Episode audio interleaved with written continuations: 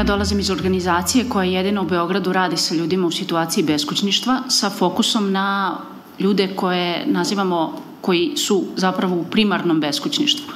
Koristimo ovu terminologiju zbog toga što je ona ponuđena i u popisu 2011. godine. To znači da pružamo direktnu podršku ljudima koji spavaju na otvorenom, dakle na um, klupama, u parkovima, uh, napuštenim objektima, podzemnim, podzemnim prolazima, podrumima i slično. U poslednjih godinu dana mi smo radili sa imali, uh, pružili podršku uh, 1850 lica je prošlo, dakle, kroz naš program, uh, od čega 95% ljudi u primarnom beskućništvu. Od 2020. godine mi beležimo broj od oko 4000 ljudi u ovoj situaciji. Svesni smo da to nisu, da to nije i ne pretendujemo da je to ceo broj, da je to krajnji broj ljudi u ovoj situaciji u našem gradu. Dakle, mi smo samo jedna organizacija koja se bavi bavi ovom problematikom.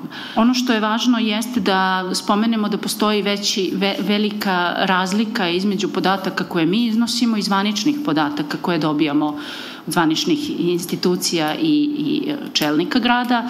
Um, zašto je to tako? Um, popis 2011. godine je rađen metodologijom koja je ponovljena i prilikom popisa 2020. 22. godine. Ta metodologija um, nije prilagođena ljudima u situaciji beskućništva. Um, broj se dobija tako što se zatraže informacije od centara za socijalni rad o broju ljudi koji su u tom trenutku na evidenciji centra kao osobe u situaciji beskućništva i uh, sabere se sa brojem ljudi koji su u tom trenutku korisnici neke od usluga iz uh, socijalne zaštite. Dakle, smešteni u prihvatilištu ili u domovima i tako dalje. Ti brojevi uh, naravno ostavljaju veliku tamnu brojku zbog toga što svi oni ljudi koji se u trenutku popisa koji se u, te, u trenutku popisa nisu evidentirani u Centru za socijalni rad. Dakle, imaju ličnu kartu, ali se prosto nisu javili i nisu evidentirani, ostaju van van um, statistike, kao i oni ljudi koji nemaju ličnu kartu i nisu se javili Centru za socijalni rad.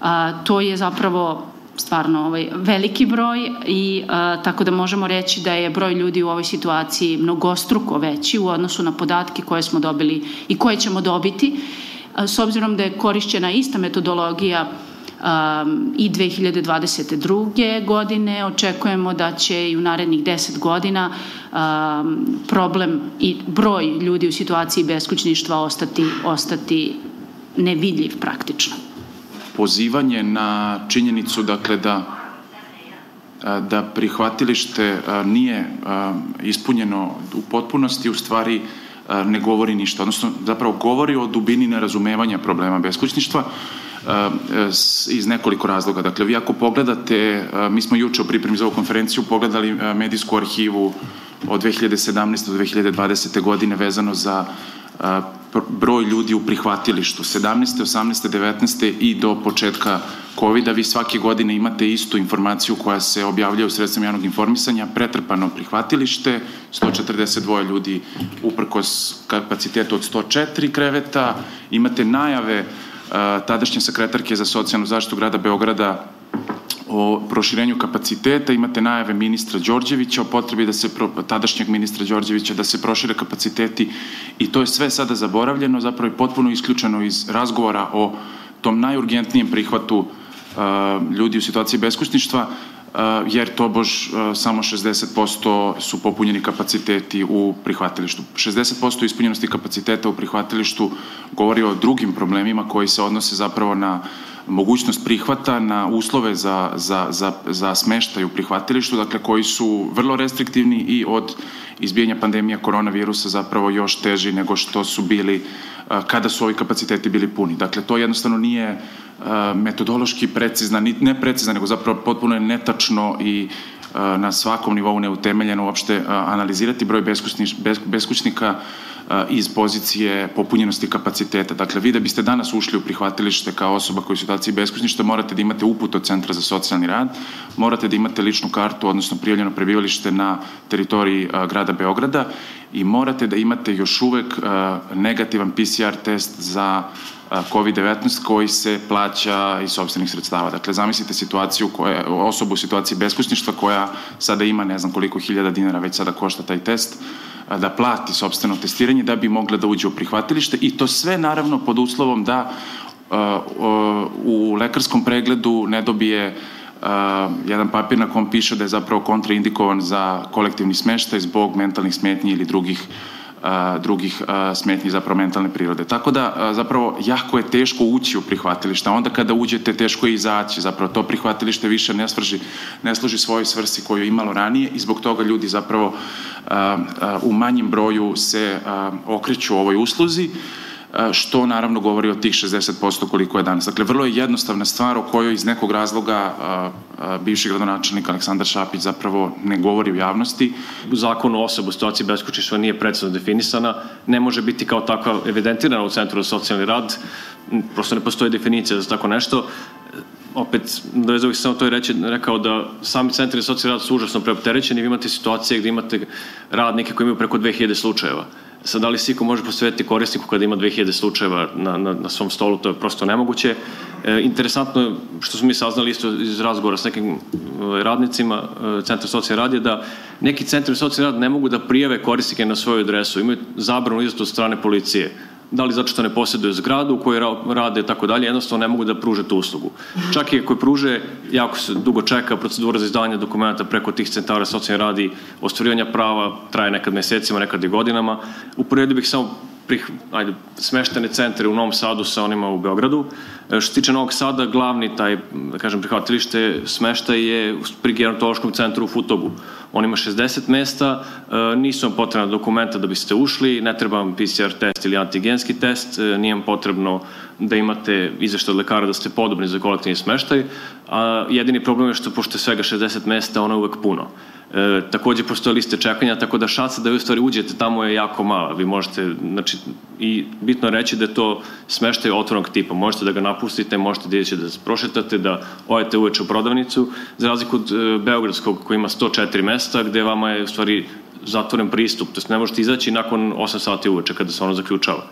Uh, što tiče Beograda, znači glavno je to u Kumodraškoj 104 mesta, sad imamo i to, vraću se još na prenoćište, 104 mesta, koje ovaj, zahteva, kao što je Dnilo pomenuo, znači uslove koje morate da ispunite, koje je praktično nemoguće ispuniti ako ste ospe u situaciji beskućništva, čak i ako ispunite uslove, tu zaista ne postoji hitan smeštaj. I uz svu pomoć organizacije nevladinog sektora, uh, prosto smeštaj neka traje nedeljama. Znači, sam hitan smeštaj, iako je definisano na samom i na sajtu prihvatilišta da je to ustanova koja služi za hitan smeštaj i pomoć, to prosto ne postoji. Ako niste prijavljeni u Beogradu, praktično je nemoguće da, da pristupite tome. E, ono što bih isto e, na, napomenuo je da nije ni prilagođena osoba situaciji beskućišta, samo prihvatilište. I one radije biraju da prenoće na ulici nego da se jave tamo.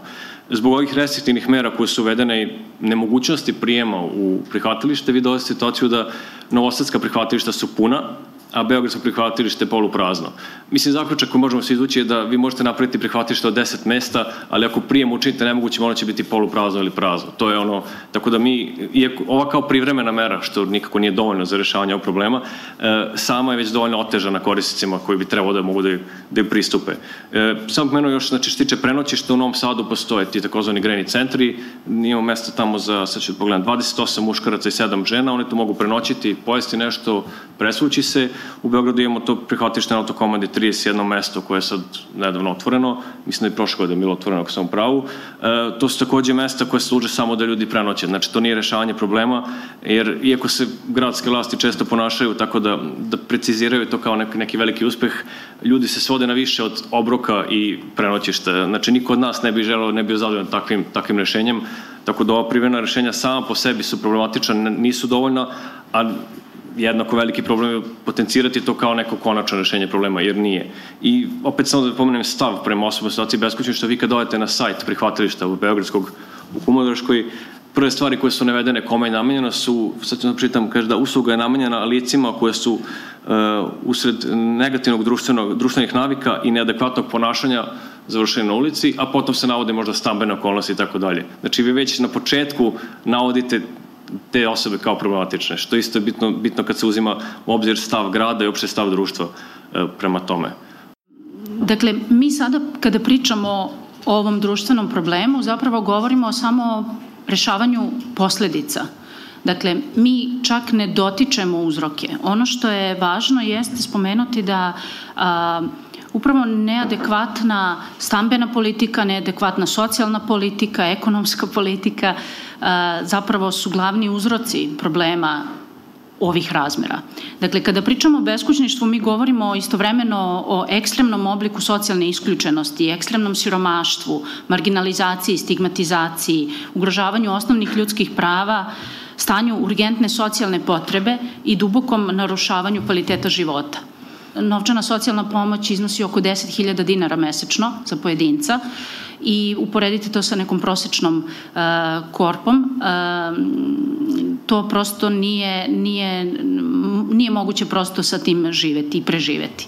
Um, Pored toga, e, govorimo o sistemskim problemima kao što su siromaštvo, kao što je e, stambena politika, gde je zapravo stambena politika usmerena na profit, a ne na ljude, ne na pojedince.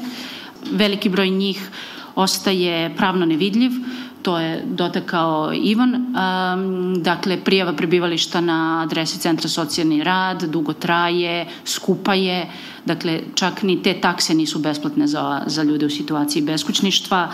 Um, često um, centri za socijalni rad ne daju saglasnosti, to jest potvrde, ne overe um, papir koji se dobije iz uh, policije kao zahtev za prijavu prebivališta na njihovoj adresi.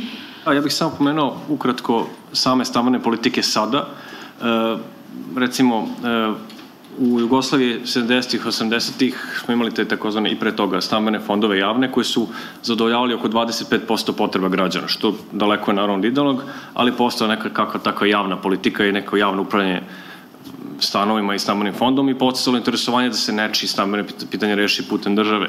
To pitanje je nakon privatizacije i svega što smo prežili prešlo stvari isključivo u privatnu sferu i niko ne odi računa o tome ako uzmemo obzir da je tipa 1,3 miliona ljudi u Srbiji u riziku od siromaštva i to je informacija fiskalnog saveta, znači njihov, njihov broj, potencijalno veliki broj ljudi može završiti isto, isto na ulici i ono što je važno znati tu je da kao da jednostavno mi nemamo nikakav program, nemamo stambenu politiku koja će zadovoljiti potrebe građana, a pogotovo potrebe ljudi koji se nalaze na ulicama. E, ono što je važno je reći da postoje načini rešavanja ovog problema i to nije ništa novo, ništa nedostižno, samo treba da se postoji politička volja, jednostavno širi društveni konsenzus, tako nešto. Prvo na, prvi način je naravno su socijalni stanovi koji se grade za tu svrhu i gde ljudi mogu stanovati uz neke znatno umanjene kirije, subvencije i tako dalje, uz znatne olakšice koje će ljudima sa nižim primanjima ili ljudima koji jednostavno nemaju mogućnosti da obezbede sebi stan, omogućiti da da stanuju. E, postoje još dva modela koje se koriste, najuspešnije je bio taj housing first ili ti stanovanje pre svega, gde se ljudima obezbedi stan, hrana, osnovne potrebe se zadovolje i onda im se ponudi, nisu natrani, ponudi im se mogućnost, dakle, terapije, odvikavanja, prekvalifikacije, znači sve mogućnosti koje mogu da iskoriste da se jednostavno izvuku iz situacije beskućništva i da se reintegrišu u društvo. Ono što je najbitnije kod tog programa je da te stvari nisu obavezne, jer rezultati su pokazali i istraživanja da ukoliko osoba sama prihvati te programe, mnogo veća šansa da će ih završiti, da će se uspešno reintegrisati. Drugi model koji je sličan tome je takozvano privremeno stanovanje, gde vi osobama u situaciji beskućništva dajete različite uslove za stanovanje zavisno od samog tipa kako se ih da primenjuje, to može biti kolektivni smeštaj, pa ćete vas to voditi dalje ka stanu i često to za sobom povlače neke zahteve koje imate prema tim korisnicima, moraju da idu na odvikavanje, na terapiju, moraju da se prekvalifikuju da bi zadržali to stanarsko pravo. Opet, tu ima raz, raznih pristupa, ali to su neka tri glavna. I ovo sve ništa ne zvuči, nije, nije fantastično, nije, nije nemoguće, to samo zahteva da mi imamo stambeni fond, da imamo želju da se to u stvari rešava i da se tim nekako upravlja. Ovaj, a u društvu gde, eto, Danilo je nam rekao, pa ću ga citirati, da je stan postao roba za prodaju, a ne prostor za stanovanje, mi treba skroz da promenimo princip i posmatranja, da kao da vidimo kako ćemo u stvari rešavati ta stambena pitanja, pogotovo ljudi koji se nalaze na ulicama. Jer siromaš, eh, siromaštvo, beskućništvo u stvari je, nije individualno, ali je individualizovano kao problem pojedinca, a u stvari to je problem svih nas i nešto što mi moramo zajedno da radimo i da rešimo i zato je potrebno velike zaokret u celom društvu da bi se tako nešto radilo. Jer ovi modeli koji se mogu koristiti za prevenciju nisu nemogući, ali zahtevaju i raz, uključenje raznih ministarstava, uključenje jednostavno političku volju na najširim nivoima da bi se tako nešto uradilo. E, nekako za kraj da sumiramo, dakle, e, ono što hoćemo da ponovimo jeste da prvo i osnovno ne postoji metodologija utvrđivanja, da procena koja se zasniva na ispunjenosti kapaciteta je apsolutno neadekvatna i da je potpuno netačna, imajući u vidu podatke koje je Katarina iznala vezano za broj osoba kojima samo Adra pruža podršku, vrlo je jasno dakle, da to e, ne može da bude e, tačan broj. E, druga stvar koja posebno zabrinjava sve nas koji se bavimo ovim pitanjem jeste dakle odbijanje državnih, odnosno gradskih institucija pre svega da se ovo pitanje u potpunosti rasvetli. Dakle, mi se isključivo bavimo najosnovnijim egzistencijalnim servisima koji omogućavaju da ljudi ne umru od gladi i ne umru od smrzavanja tokom zime. Dakle, ne bavimo se prevencijom beskućništva, ne bavimo se politikama koje treba da e, spreče da do ovoga dođe i zapravo smanjivanjem broja ljudi koji su na ulicama. E, treći problem koji je posebno značajan jeste dakle sam pristup uslugama e, koje se odnose na ove, dakle ovim ograničenim uslugama, tu pre svega mislimo na prihvatilište koje gde je pristup dakle, povezan sa posjedovanjem dokumenta, sa negativnim PCR testom koji sami morate da platite i zapravo sa potvrdom od lekara da niste kontraindikovani za kolektivni smeštaj, uprkos činjenici da jako veliki broj ljudi u situaciji beskućništva takođe ima različite smetnje u pogledu mentalnog zdravlja. I na kraju, dakle, kvalitet usluge koje se pruža u prihvatilištu je takav da jednostavno odbija ljude od, od dolaska u ovu ustanovu sve ovo jeste u stvari rezultat nedostatka politika koje bi trebalo da budu multisektorske, koje se odnose na socijalnu, zdravstvenu, stambenu i različite druge mere koje treba zapravo preduzeti da bi se na lokalnom i nacionalnom nivou adekvatno bavili pitanjem beskućništva.